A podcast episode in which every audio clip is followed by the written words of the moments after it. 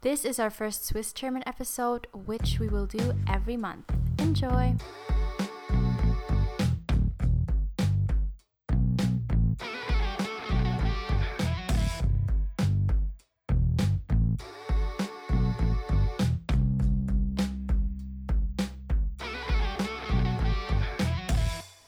Jo. Hallo, hallo. Willkommen. Das ist so weird, aber irgendwie auch nicht. Das ist unsere erste ähm, Nein, wieso hast du schweizerdeutsche so einen Crack Episode. gerade?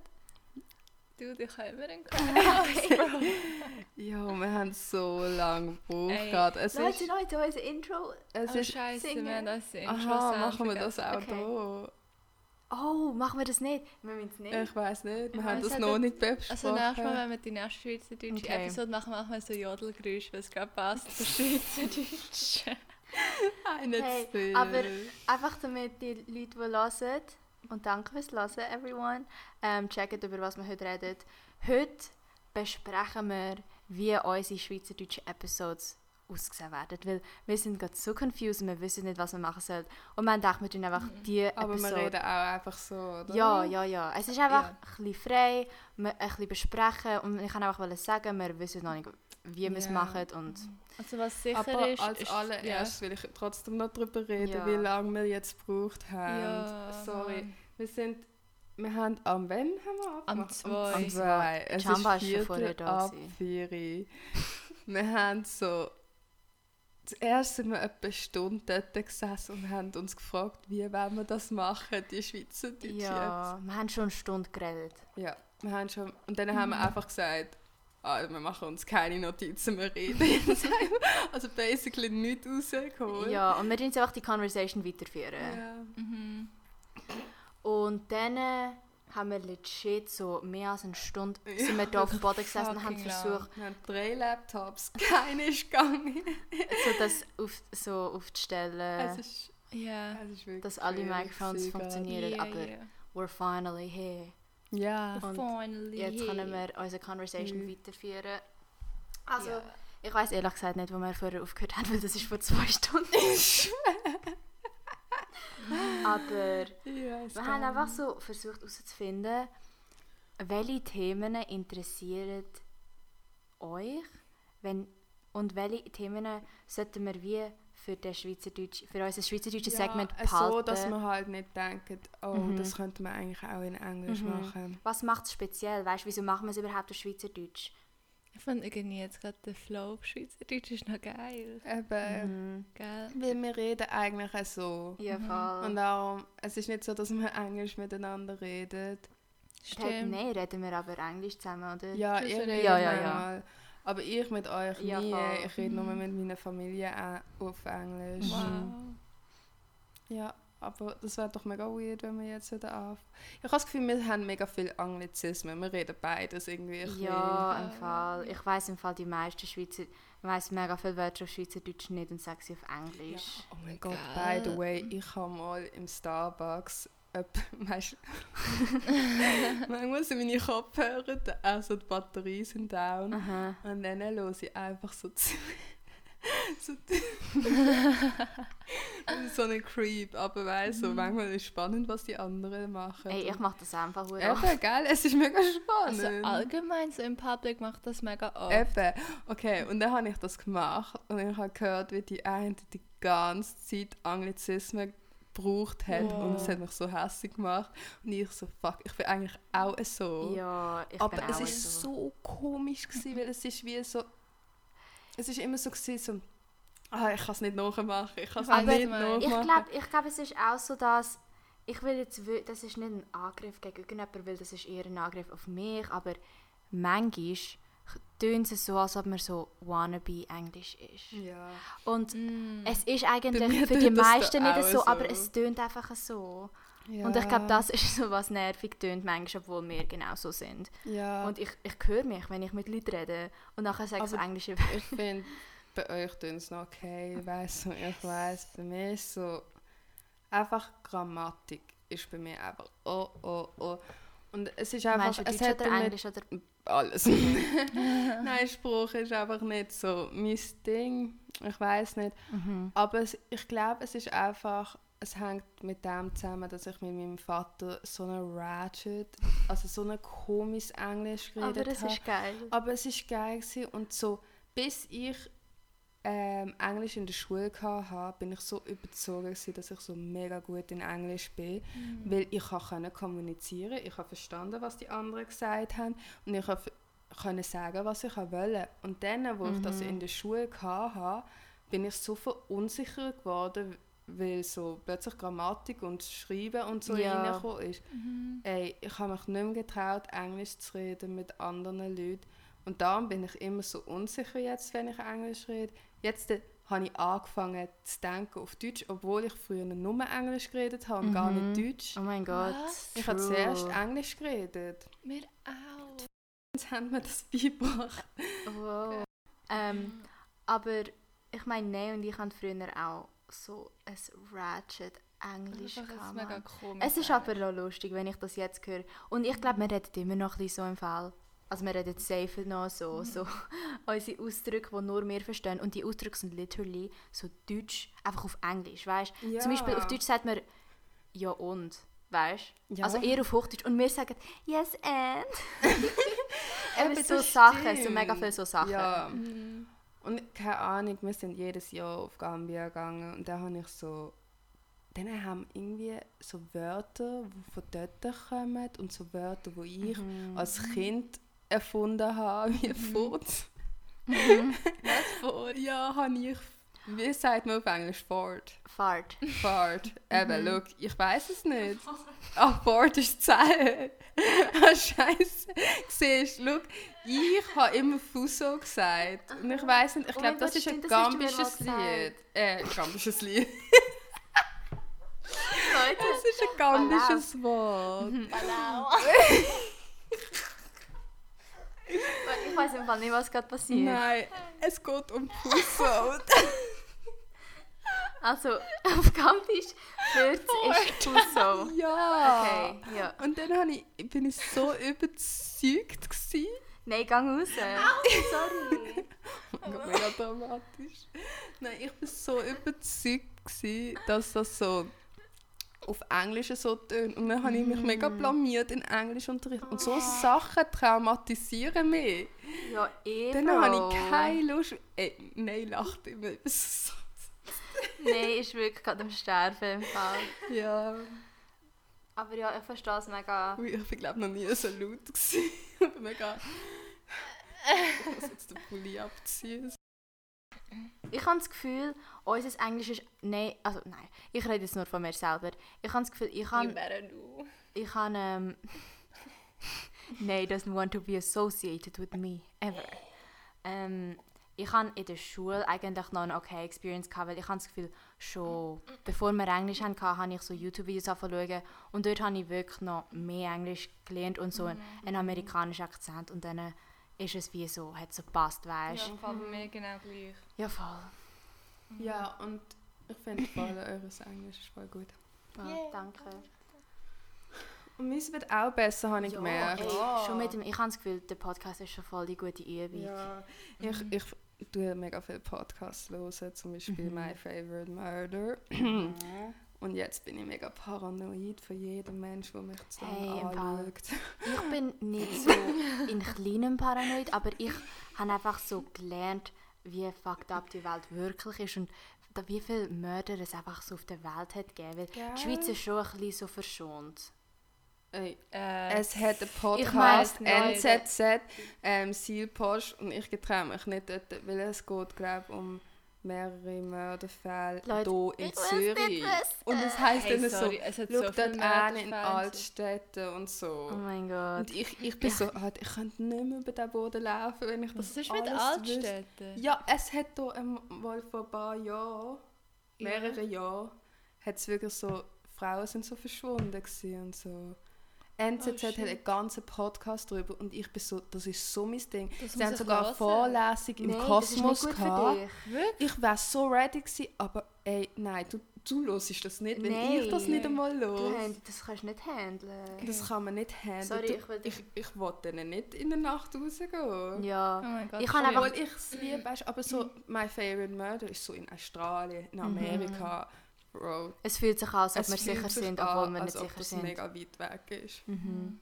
Ich meine, ich glaube, ich habe es einfach so als Kind nie mitbekommen, wie viel so Mörder es gibt, weißt? Und Aha. oder ja, es ist einfach so nicht. unreal, es- weil du schaust immer so Krimis und es ist Mhm. irgendwie so weit weg. Und jetzt bin ich auch mega so empfindlich mit Krimis geworden, weil ich bin so, Bro, das passiert Ich bin wirklich. einfach mehr so paranoid, wenn ich dann so draußen bin. Weißt du, früher habe ich immer gedacht so, nein, kann doch nicht sein, das passiert mir in. Aber jetzt bin ich so mehr suspicious, Ja. wenn so irgendetwas suspicious passiert. Und nachher bin ich eigentlich einfach alles am overthinken. Aber es sind doch die meisten Mörder, es sind auch von Leuten, die du kennst. Was? Die meisten Mörder, was es ist mega, also wenn du ermordet wirst, ist die Wahrscheinlichkeit mega hoch, dass es jemand ist, den du kennt hast. ja, das stimmt. Ja, eh, aber die Person ist auch. Meistens haben sie auch, sind sie auch in dein Leben gekommen mit, der, mit einem Intention oder so. Es ist nicht. Ich glaube, es ist eher selten, dass du so eine 20-jährige Freundschaft hast. Und dann die Person. Es ist eher Äh, vielleicht jemand, den du irgendwo Ahnung. Mein kennengelernt Point hast. ist einfach, wenn jemand randoms mich umbringt, kann ich wirklich nichts dafür. Und dann ist es auch nicht so... sch- Also es ist schon scheiße. Aber dann habe ich auch nichts dafür. Du kannst eh nie etwas dafür. Also Du kannst meistens. ja eh nicht dafür so... also Ja, was ist der stimmt. Unterschied? Okay, ich weiß auch nicht, was dein Anyway. War. besprechen wir dann. Ich weiß es nicht. Egal. Ja. Aber ja, eigentlich, das wäre schon ein Thema, wo wir mehr könnten darüber reden so nicht, ich will nicht, wir wollen nicht unbedingt über Mördergeschichten erzählen, aber vielleicht so interessante Fälle, vielleicht nicht Mörderfälle, aber so Sachen, die in der Schweiz passiert sind. Aber vielleicht es gibt gute noch einen Sachen. guten Schweizer Podcast, Mhm. der so heißt Eddie. Mhm. Und ich weiß nicht noch einen anderen Titel. Und es geht um so einen älteren Mann, der so über seine ganze Geschichte redet. Mhm. Und er war eben so in der, Dro in der Drogenszene, gewesen, so in der, ich glaube sogar prostituierte Szene, so an der Langstrasse hat man ihn kennt und so. Mhm. Es war einfach mega spannend, gewesen, seine ganze. Geschichte und Wow, wie verdammt oft er im. Gefängnis war. Und wie, es ist immer so, Eddie, der Betrüger, Eddie, der Drogen, Mhm. Eddie, der Familienmensch, Eddie, der Vater oder so, weißt du, Mega irgendwie immer geil, so. wow. Und es ist mega geil. Auf, also ich habe noch nie so einen Ja. coolen Schweizer Podcast gelost. Hast du alles schon gelost? Ja, Wow. Timo und ich hören das die ganze Zeit und dann machen wir so Wäsche und so. wow, das muss ich auch machen. Ähm, Ja. Aber ich fände es schon interessant, wenn wir vielleicht so manchmal so Themen, würd, so historische Themen würden aufgreifen so, wa, wie ist Zürich so vor 50 Jahren oder so, weißt Mm, Sorry Ja, Leute, also hören du ihr kannst das? Recherchen machen. Äh, ja, nein, ich würde das gerne machen. Wirklich? Dann machen wir so einen Choose Mega interesting. Lead Episode. Also ich erzähle, wie August war. Durch die Römerzeit. Oh mein ja. Gott, darf ich etwas Peinliches, Peinliches Ja. erzählen? Also wirklich so. Man, ich bin nicht, Wieso Dumm. Okay. ich bin nicht dumm, aber ich bin sehr naiv. Ich finde, das ist nicht das Gleiche. Nein. Dumm und naiv. Ja, weil man sagt immer so dumm und naiv, aber ich finde, ich bin naiv, aber nicht dumm. So, Okay, das zähle ich vielleicht, noch. vielleicht ist Gell? Das hat Aber das. Ding ist einfach, wenn du... Ich will- Aber das, was ich nicht jetzt erzähle, ist Ich dumm. will nicht sagen schlau, aber wenn du einfach so viele Sachen weißt, nachher, bevor du naiv in eine Situation reingehst, dann weißt du, weißt, kannst du schon so Hypothesen Hm. machen, wie die Situation rauskommt. Wenn du naiv bist, überlegst du dir das gar nicht. Ja, ich genau. meine? Ja. Und ich könnte das machen, so die Hypothese, aber ich Mhm. gehe gar nicht so weit. Und das ist Ja. hier passiert. Ja, Also, okay. in August haben wir überall die Römerruinen. Und das ist einfach, ich bin mit dem aufgewachsen, Ja. es ist normal Ja, und so. Mhm. Und, und irgendwie hat es dann so vom Zweiten Weltkrieg die Beton-Dinger.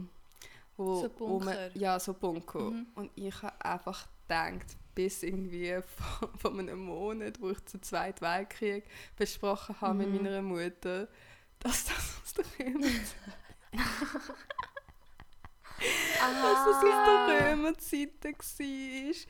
Und weil ich habe die ganze Zeit drauf gespielt, nebendran sind gerade Römersachen. Und Aha. Weißt, ich habe einfach nie den Connection gemacht, dass es gar nicht das Material Aha. dort so gebraucht wird. Ah. Ah, das ist so dumm. Ah, das ist so schon. naiv, weil ich kann nicht... ich habe nicht weit, als, als Kind Ja, macht man es ist ja auch nicht Und ich habe einfach weisst. nicht weiter Ja. nachgedacht. Ja, bis eh. jetzt. Es gibt sicher Sachen, die wir auch haben, so solche Sachen. Weil in, bei dir war es auch schwieriger, gewesen, das zu checken, weil bei uns hat es literally so fünf Bunker im Wald und es ist nichts anderes, weißt? Ja, bei und dann macht es Sinn, auch. weißt Aber so bei euch mit Römer ja, bei euch es gibt's ist so viel so Shit, ein weißt? Meter nebendran ist noch Ja. so, so Römerklötze. Ja, Und ja. etwas so, das gehört zusammen, weißt du? Das Wow. macht Sinn. Aber jetzt bin ich so, oh mein Gott, so dumm. Aber also nein, eben naiv. Hm. Nicht dumm. Mhm. Nein, nicht dumm. Gell? Ich meine, vor allem, wir denken eh als Kinder an Sachen, die so eigentlich voll nicht so eigentlich realistisch sind oder nicht einmal funktionieren im Real Life. Aber wir denken so irgendwie, dass so zum Beispiel Hunde so das Gleiche sind wie Pferde, aber einfach eine so andere Größe oder so. Weißt du, so Sachen als Kind, wo du noch nicht checkst, wenn du Biologie nicht checkst. Du denkst einfach Sachen, die so eigentlich gar nicht so. Oder zum Beispiel, weiß nicht, Bro, das zum ich weiß nicht, was für Beispiele ich noch bringen kann. Nein, ich weiß, was du Ich meinst. weiß nicht, was du meinst. Doch, ich. Also jetzt so. Also früher in der Schule habe ich manchmal zum Beispiel so das Herz haben wir durchgenommen und ich so, ah cool, wir haben auch so Schweineherz seziert. Mhm. Und, okay, egal. Ich habe es nicht gemacht. Wirklich nicht. Nein. auch nicht. Ich Wir haben es der, wir haben es nur in der Kante gemacht und dann bin ich einfach rausgegangen. Aua. Mit Zahnfleisch. Oh. Ähm, nein, ähm, nein, ich habe so Sachen geliebt. Oh. Mm, aber irgendwie habe ich es nicht wertgeschätzt. Dann, dann habe ich es nochmal gehabt. Ich habe so viel mal das Herz What gehabt. fuck, man hat es nur einmal gemacht. Ja, das ist in der Sexy das eine Mhm. Mal, dann das andere Mal in der FMS. Und, ja, und nachher haben wir es zwar nicht seziert, aber trotzdem nochmal durchgenommen in der A-Card. Mhm. Ähm, und ich weiß nicht, ich habe es diesmal so geil gefunden, ich habe es so interesting gefunden, ich so, wow, das macht Sinn. Irgendwie so, hat es mir so lange gebraucht, um das so wertschätzen. Ich habe es immer schon gecheckt, gehabt, aber jetzt bin ich so wirklich so, gewesen, Ja. wow, das macht voll Sinn und so. Mm, So faszinierend. Einfach Ja, so und das Sachen, wo passiert du erst, erst lernst, wenn du, wenn du ähm, mehr Erfahrung im Leben hast. Es gibt so, ich meine, das Leben geht ja nur darum, dass du, mehr, dass du erst Sachen checkst, wenn du sie erlebt hast und so Sachen, Mhm. weißt Das meinen wir. Aber ich meine, ich habe jetzt gerade kein Beispiel. Mhm. Es gibt ein Buch Mhm. von Hermann Hesse, Siddhartha. Kennt ihr das? Nein. Das ist wirklich intens. Es geht auch darum, dass es so einen Mönch hat und es hat ja mega viel so Lehren im Osten wie Buddhismus Mhm. oder es gibt so die Leute im Wald und bla bla. Und er, Okay. er geht immer so zu anderen Lehrern oder anderen Dings zum Sachen lernen, aber am Schluss checkt er, dass er einfach alles selber experience äh, erfahren muss. Mhm. Es ist- dass einfach dir nicht alles erklärt werden kann, dass du es einfach selber machen musst Ja, und voll. deine eigene Lehre haben. Mhm. Das ist mega cool. Mhm. Mega, Wieso Mega ist. Schweizer System nicht? Natürlich geht das nicht, aber so, es ist mega cool. Ja. mhm. Ich meine, es ist auch so, ich habe schon Angst, wenn ich so ein Kind muss erziehen muss. Was bringe ich denn? Weißt du, du musst, ja, das, das, das- habe ich mir auch die. Kinder müssen einfach, du musst einfach können loslassen und sagen so, okay, das muss es jetzt selber lernen. Und du musst einfach, du schaust zu, wie es durch den Shit geht, aber es muss durch den Shit gehen. Du, aber ich finde so, der Unterschied ist, wenn man so ein supportive Parent ist, dann äh, Mhm. ist man wie immer dort, weißt Und das haben viele Leute nicht. Das finde ich, das hat so Mama mega gut gemacht. Sie hat mir immer so Sackgeld gegeben. Und weißt, es ist dann so, es ist ihr so egal gewesen, was ich mit dem Mhm. Geld mache. Mhm. Es ist einfach so immer gewesen, es ist dein Business, weißt?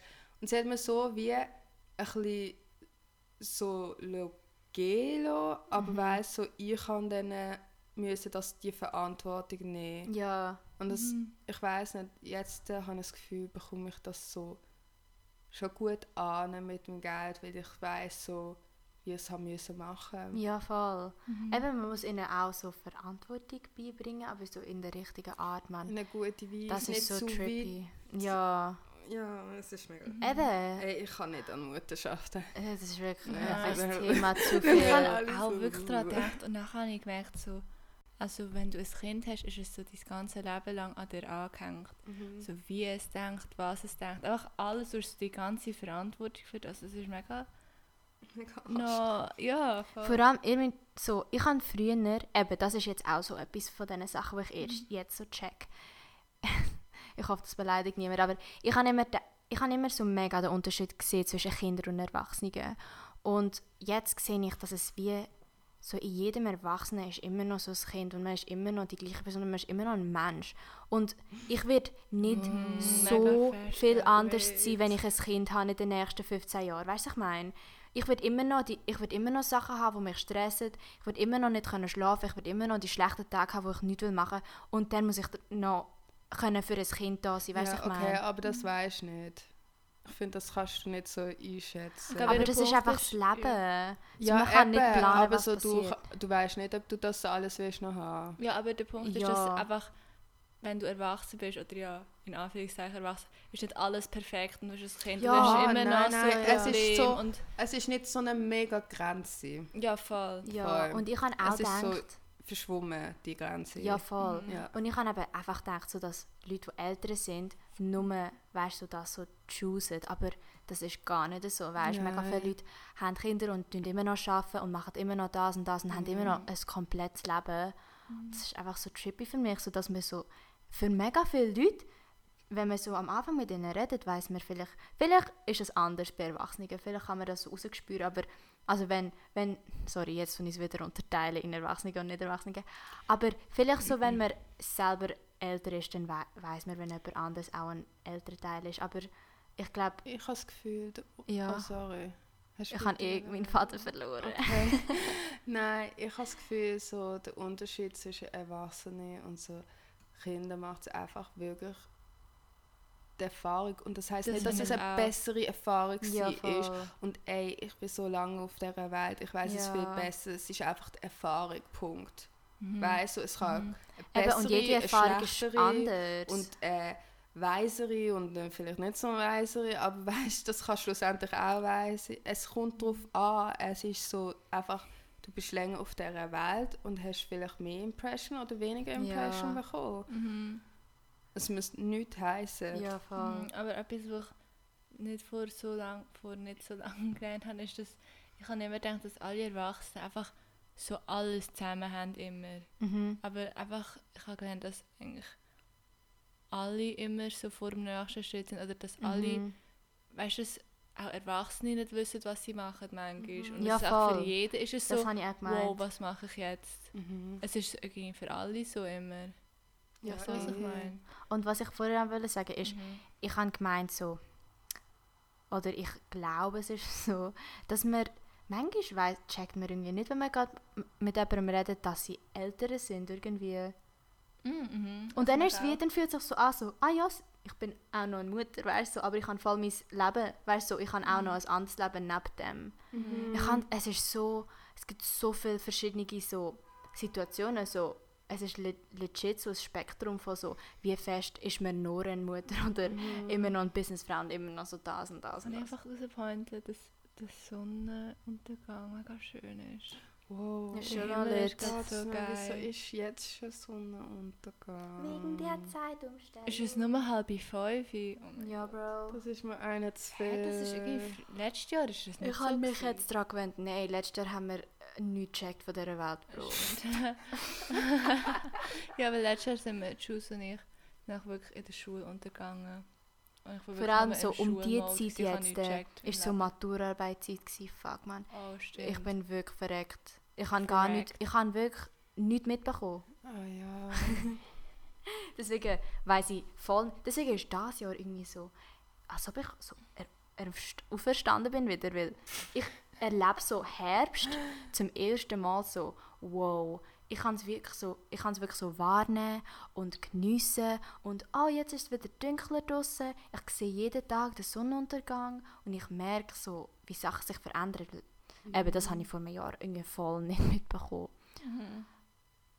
Deswegen, ich, bin, ich bin jetzt voll gewöhnt daran, dass es so früh untergeht irgendwie. Mhm. Es ist einfach ein bisschen scheiße, ich war weil... so prepared. Gewesen. Es ist für Mhm. mich so von einem Nein, sogar vielleicht weniger als einen Monat. Vielleicht ist es jetzt schon ein Monat. Mhm. Noch so halb Sommer gewesen. Das, Irgendwie, ehrlich gesagt, ich finde auch, es ist erst in den letzten so zwei Wochen wirklich so Gell. Herbstmodus ist es so geworden. richtig kalt geworden und dann Mhm. bin ich so krank geworden, Mhm. weil, Mhm. what the fuck, keine Vorwarnung gewesen irgendwie. Mhm. Fuck, was soll ich gerade sagen? Ich habe es vergessen.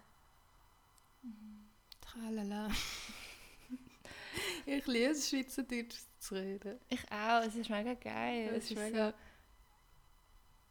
Ich weiß nicht, was, also wie irgendwie ich kann ich sagen. mich jetzt gerade besser ausdrücken, als Ja, ich so das Gefühl habe. weil man halt normalerweise so redet. Stimmt. Ich habe das Gefühl, es ist Vor allem in unserer Beziehung, also wir drei. Es ist, ja. Ja, voll, weil zum Beispiel mit der Nähe könnte ich mich wahrscheinlich schon gut genug auf Englisch so expressen, wie wir zusammen reden. Aber weil auf Schweizerdeutsch habe ich das Gefühl, es ist wie eine Ebene mehr, wo wir können kommunizieren können, wo wir auf Englisch nicht haben. Mhm. Ich weiß nicht, wie die Ebene aussieht, aber irgendwie... Es ist halt einfach, weil wir mehr Freunde haben, die Schweizerdeutsch reden. Wir reden mit keinen anderen eigentlich Englisch, außer mit der Familie. Also, ich rede mit meinen meisten Kollegen Englisch. Ah, wirklich? Ich so die Hälfte. ah, wirklich? Ja, ich rede fast nie Schweizerdeutsch. Aber Manchmal so hat da- so Zeiten, wo ich nie Schweizerdeutsch rede, nachher treffe ich wieder Charme Ja, ich oder auch. so. Und ich so, oh, jetzt muss ich Wow. Schweizerdeutsch reden. Hä, du musst nicht? Nein, ich meine, weißt du, nicht ich muss, aber weißt du, was ich meine? Ah, Nein. jetzt ist wieder Schweizerdeutsch-Time. Nein, es stimmt im Fall wirklich. So manchmal, wenn wir... Ich sehe dann nur die Leute, die da sind und meine Familie und ich rede mit niemandem Deutsch. Gell? Aber ich sehe immer, wir sehen, wir sehen ja scheinbar jede Woche. Aber manchmal hätte ich mit ein paar Leuten auch Deutsch. Also die tun jetzt so, als ob sie sagen, ihr könnt Englisch Nein, reden. nein, Nein, nein, nein. gerne. Eben, nein, wir sagen ja, Nein. es ist Nein. eben schon so ein anderer Level, weißt du? So, oh mein Gott, das hat gerade so ratchet. Es ist schon ein anderer Level. ne? Oh mein Gott. Nein. Eben, und so Sachen muss ich mir dann auch von ihnen angehören. Doch, das machen wir öfters Welche im Fall. Sachen? Was? So low-key roasten auf Englisch, obwohl ihr wisst, ich bin schon insecure. Hey, nein, ich habe einfach gesagt, wenn ich mit dir rede, rede ich mega gerne Schweizerdeutsch. Ja. Das ist gar kein Roast. Nein, ich habe Nein. auch nie einen Roast Du kannst auch mit mir Englisch reden, wenn du so, Nein, ich so Englisch reden nicht. willst wie mir. Ich will nicht. Ja, ich auch nicht. Okay. Nein, eben, ich finde es super, wie es ist. Also, dass wir Schweizerdeutsch zusammen reden und wir reden halt meistens Englisch, aber wir drei. Weil es ist wie, ich meine, eben deswegen meine ich so, ich, wir, ich meine eben deswegen, in dieser Konversation ist es einfach so ein Level... Ich check gerade wirklich nicht, was du Ja, also sorry. Schau mal, ich ist sind da gerade in einem ich Streit. vorher wollte sagen. Aha, okay. Egal. Gut. Ja, hey, ich bin gerade ein bisschen aus so Gesprächsthemen rausge ähm, ausgegangen. Mm, ja, also, Ah, ich weiss über was wir reden könnten. hallo, wir könnten eigentlich auch beenden. Oder Ah, können wir es gleich lang machen?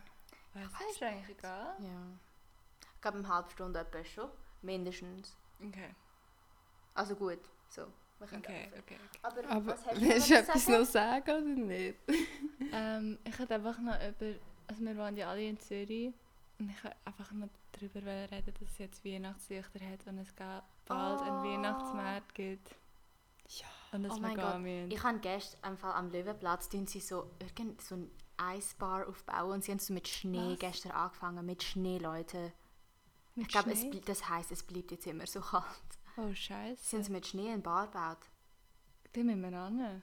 Sie sind schon am Anfang, überall. Hey, oh mein Gott, ich freue mich so auf den Glühwein. Ja. Oh ja. Es ist einfach so casual, so, hey, weißt du, legit überall, wo du bist in Zürich, kannst du einfach Glühwein Ja, holen. Das ist Timo wohnt, äh, schafft gerade dort. Ja. Ja. Geht jeden Tag dort an, also so vorbei, weißt Ich meine, sogar im Niederdörfli hat es das auch. Ich weiß es ehrlich gesagt gar Es hat, nicht. ich, Es auch hat doch auch ein. Und dann auch an der Bahnhofstrasse hat es ja auch. Also dort Es hat überall. Es hat überall. Hey, wisst ihr noch, als wir letztes Jahr zum Parcels-Konzert gegangen sind? Wir haben so Glühwein gehabt. Ah, Ah, der ist wirklich grusig. Hey, gewesen. Leute, ist so grusig ich habe an dem gewesen. Abend meine, meine Präsentation müssen machen für am nächsten Tag für meine Ai, Maturpräsentation. ai, ai. Ist das am Das ist nächsten Tag? Ja, gewesen. es ist Ja. aber ich bin doch dabei ist es nicht gewesen. am nächsten Tag gewesen. Doch, es war am nächsten Tag. gewesen. Aber ich bin doch nicht von dort ausgekommen, ich bin doch von daheim gekommen. Ja, es war nicht? erst am Abend. Gewesen. War am Abend. Bin ich heimgegangen? Ja. Das, Ich ich weiss das habe ich nicht. du öfters bist wieder gemacht. gekommen, ja. Hm. Aber das ist... Ja, voll. Und nachher Ja, habe ich so viel Grüfe getrunken, Mann. Und nachher musste ich das noch müssen machen, daheim alleine und ich war am Konzert. Weißt du, wie ungeil das ist? Ja, Ah, ja. vor allem, du hast eigentlich Plan gehabt, mitzukommen. Ja, stimmt, aber ich hatte legit dort noch nichts. Gehabt. Mhm. Ich meine, so mega wenig von meinem PowerPoint. Und ich habe mir so gegeben bei dieser PowerPoint und dann hat mein Lehrer sie einfach getestet, Mann. Was hat er Er hat gesagt? gesagt, es sieht aus, als ob du es mega schnell gemacht hast. Und ja, ich- Wirklich? ja ich habe es an einem Hä, Abend aber gemacht, aber es ist mega schön. Es ist die schönste Präsentation, die ich jemals gesehen Wow. habe. Du hast Danke. wirklich hure lang gehabt. Eben, Also ich hab- kann du hast schon alles von Hand gezeichnet Eben, und so. ich es ist mega Hure geil. Und er hat gesagt, es hat ausgesehen, als ob ich es mega Hä, kurz... aber hat er nicht gesagt, ich bin ja dabei gewesen. Mhm. Weißt schon ist einfach auch. Also, das hat er dann am Schluss, weißt du, so bei der Bewertung gesagt. Aha, mega cool. Hey, meine Er hat mir bei der ja. Präsentation nicht einmal einen Fünfer gegeben. Also. Meine Maturpräsentation hat wirklich fünf Slides gehabt drin. Ich habe auch geredet die ganze Zeit. Ja, das ist ja, das ist ja okay gut. genug. Du hast ja viel Art gehabt. In Mhm. deinem Stimmt, das ist fucking... Ich habe das so gehasst, sorry, dass ich, Ich die ganze Zeit die Wörter Ich brauche. bin so glücklich, dass es vorbei ist. Ja, voll. Aber wir sind auch generell... Also wir sind einfach eh oft am Mad gsi letzten Winter, weil Mhm. wir haben so nah von dort gewohnt. Mhm. ich Wow, Stadelhofen war also. Gewesen. Geil, geil, ja voll. Geil. gewesen. Ja, und Jetzt ich, ist es so creepy geworden für mich. Wirklich? Ich fühle mich so unwohl, wenn ich dort bin. Wieso? Es erinnert mich einfach an die vielen Zeiten, wo wir so am zwei dort waren und einfach alles so ratchet war, dann keine Mhm. Sind. Oh, das ist Dann haben wir müssen schön. auflaufen. Und es ist einfach so weird. Ja. Einmal, wo ich Oh mein müssen, Gott. wo wir noch die nicht E-Scooters gecheckt haben. hat es. Oh mein Gott, das hat Weißt wirklich. noch? Also, wir erzählen schnell die Geschichte. Okay, ja. was für eine Geschichte? 30. August, äh, Juli oder so, Ja, 1. fast. August. Ich komme heim von Australien und ich habe schon auf dem Flugzeug gewusst, ich habe eine Blasenentzündung oder so. Mhm. Und nachher komme ich heim ich gehe schlafen, fünf Stunden wach auf und ich habe einfach eine Nierenentzündung. Und warte, ich nur mehr so Nein und ich sind dort gewesen. Weil du bist Nein, nein, ich- nein, meiner Wohnung. Chamba. Ich bin Chamba erst ist- am nächsten Tag von New York hergekommen. Ja, genau. Nein, ihr seid beide feiern. Nein. Doch. Aber wo ist denn Tag sie? gewesen. Aha. Wir sind zu zweit. Gewesen. Nein, ich weiss noch, sie hat mich vom Flughafen abgeholt. Oh, und ich habe gesagt, ich habe eine crazy Nacht gehabt. Und Chamba so, nein, und ich habe auch eine Oh, crazy das stimmt. Nacht. Okay, Ja, nein, es gibt noch eine Vorgeschichte. Ich bin aufgewacht, nachher ich so, fuck, ich habe eine Nierenentzündung, ich habe das schon vor einem Jahr gehabt. Ich habe genau Ja. gewusst, wie es sich anfühlt. Und nachher zuerst mit dem Tailcare-Ding anrufen, ein bis zwei Stunden Wartezeit und ihnen alles oh erklären. Gott, stimmt. Und ich so, Nein, du hast pennt, Bro. ich so, ähm, geil, meldest du, wenn du etwas brauchst.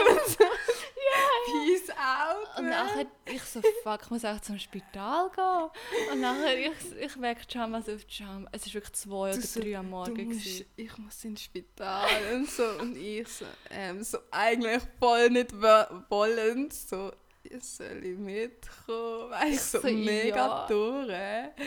Aber ja, und Ja, und dann nachher... hat sie schon gesagt ja sie, sie hat du hast sicher gewusst dass ich nicht haben will aber sie, Ich so, ich mir ist das, das egal jetzt. das habe ich von euch gelernt. Ihr wisst manchmal, die, die anderen haben keine Lust, aber Mhm. so, ihr, ihr verlangt es trotzdem. Ich Ja, liebe das. Ich glaube, in so Situationen macht es schon Ja. ja, es macht Sinn, aber nachher- also, weißt, ich, Eben, und jetzt kommt das Ja, Traumatisieren das von dem halt. Ort.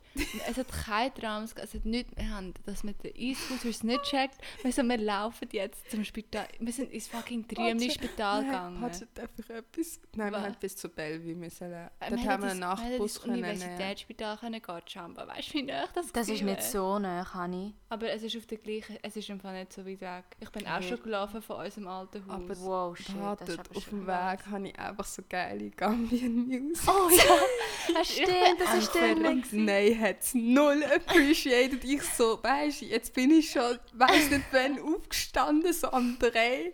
Dann ich wollte so die geile Musik zeigen, die ich so entdeckt habe von meinem Land. Ich so, uh, schau die geile Gitarre. Und nein, so. Ich bin so am Verrecken, meine Nieren ist am explodieren und nachher Jamba spielt die Musik. Ich so, Bro, ich will einfach nur mehr noch zum Spital. so, es ist so glückliche Musik und ich Aha. so, wow, so cool. und nachher bei Yusuf hat es mehr appreciated. Sorry, ich kann einfach nicht können. Ich oder nein? Ja, du. Du hast es mehr Jamba. Ah, mehr, appreciated. ja, ich kann gedacht. Beim Bellevue hat es nachher die weirden Busse, die irgendwie in alle Richtungen fahren, Ja. weißt du noch? Ja. Weißt du, das so die, die komischen Busse, so vier Busse und sie fahren zu... Und dann haben wir, sind wir bis zum Triemli gefahren und nachher Und das nachher dumme eine- Ding. Nein, warte schnell. Wo Ja. ist das Spital, gewesen, wo wir beim Triemli ausgestiegen sind? Auf dem Hügel. Auf dem Hügel. Zuerst bist du am Oh. Verrecken und nachher ist das Spital auf dem Hügel und du musst dich so aufschleppen. Es ist so Triemli Spital. Hey, im Fall, wenn es etwas du Schlimmes bist wäre, so, wärst du verreckt. Du bist Ich mega weiss. glücklich, dass es so, dass du beim, bei der Ihr hättet Haltestelle vielleicht wirklich Spital Ambulanz bist. sollen anrufen im Fall. Nein, weißt du, wie teuer das ist? Stimmt auch. Das ist so teuer. Stimmt, sorry Leute, fa falls yeah. weiss. Wenn ihr rich sind, macht es. Ja, okay. Und nachher schleppen wir uns so rauf. Und nachher, nachher, nachher haben wir uns so eingecheckt. Nachher habe ich so dringend aufs WC müssen gehen. Nachher die, die Frau so, wo Oh ja, die ist sie? Oh, oh, okay. Nein, warte, Leute, ja, erzählt vorher. bitte, ihr vorher. seid, wartet, Vorher. ihr seid im Spital, okay? Ja. Und nein muss aufs WC. Nein, nein, nein. Wir laufen rein, nachher müssen wir so ab ansitzen bei dem Tisch und so mit ihnen so ein Nein, Gespräch du- führen. Ja, nein, du hast ein Bett bekommen und ich war so auf dem Stuhl. Gewesen. Oh ja. Ich mit meiner Narkolepsie.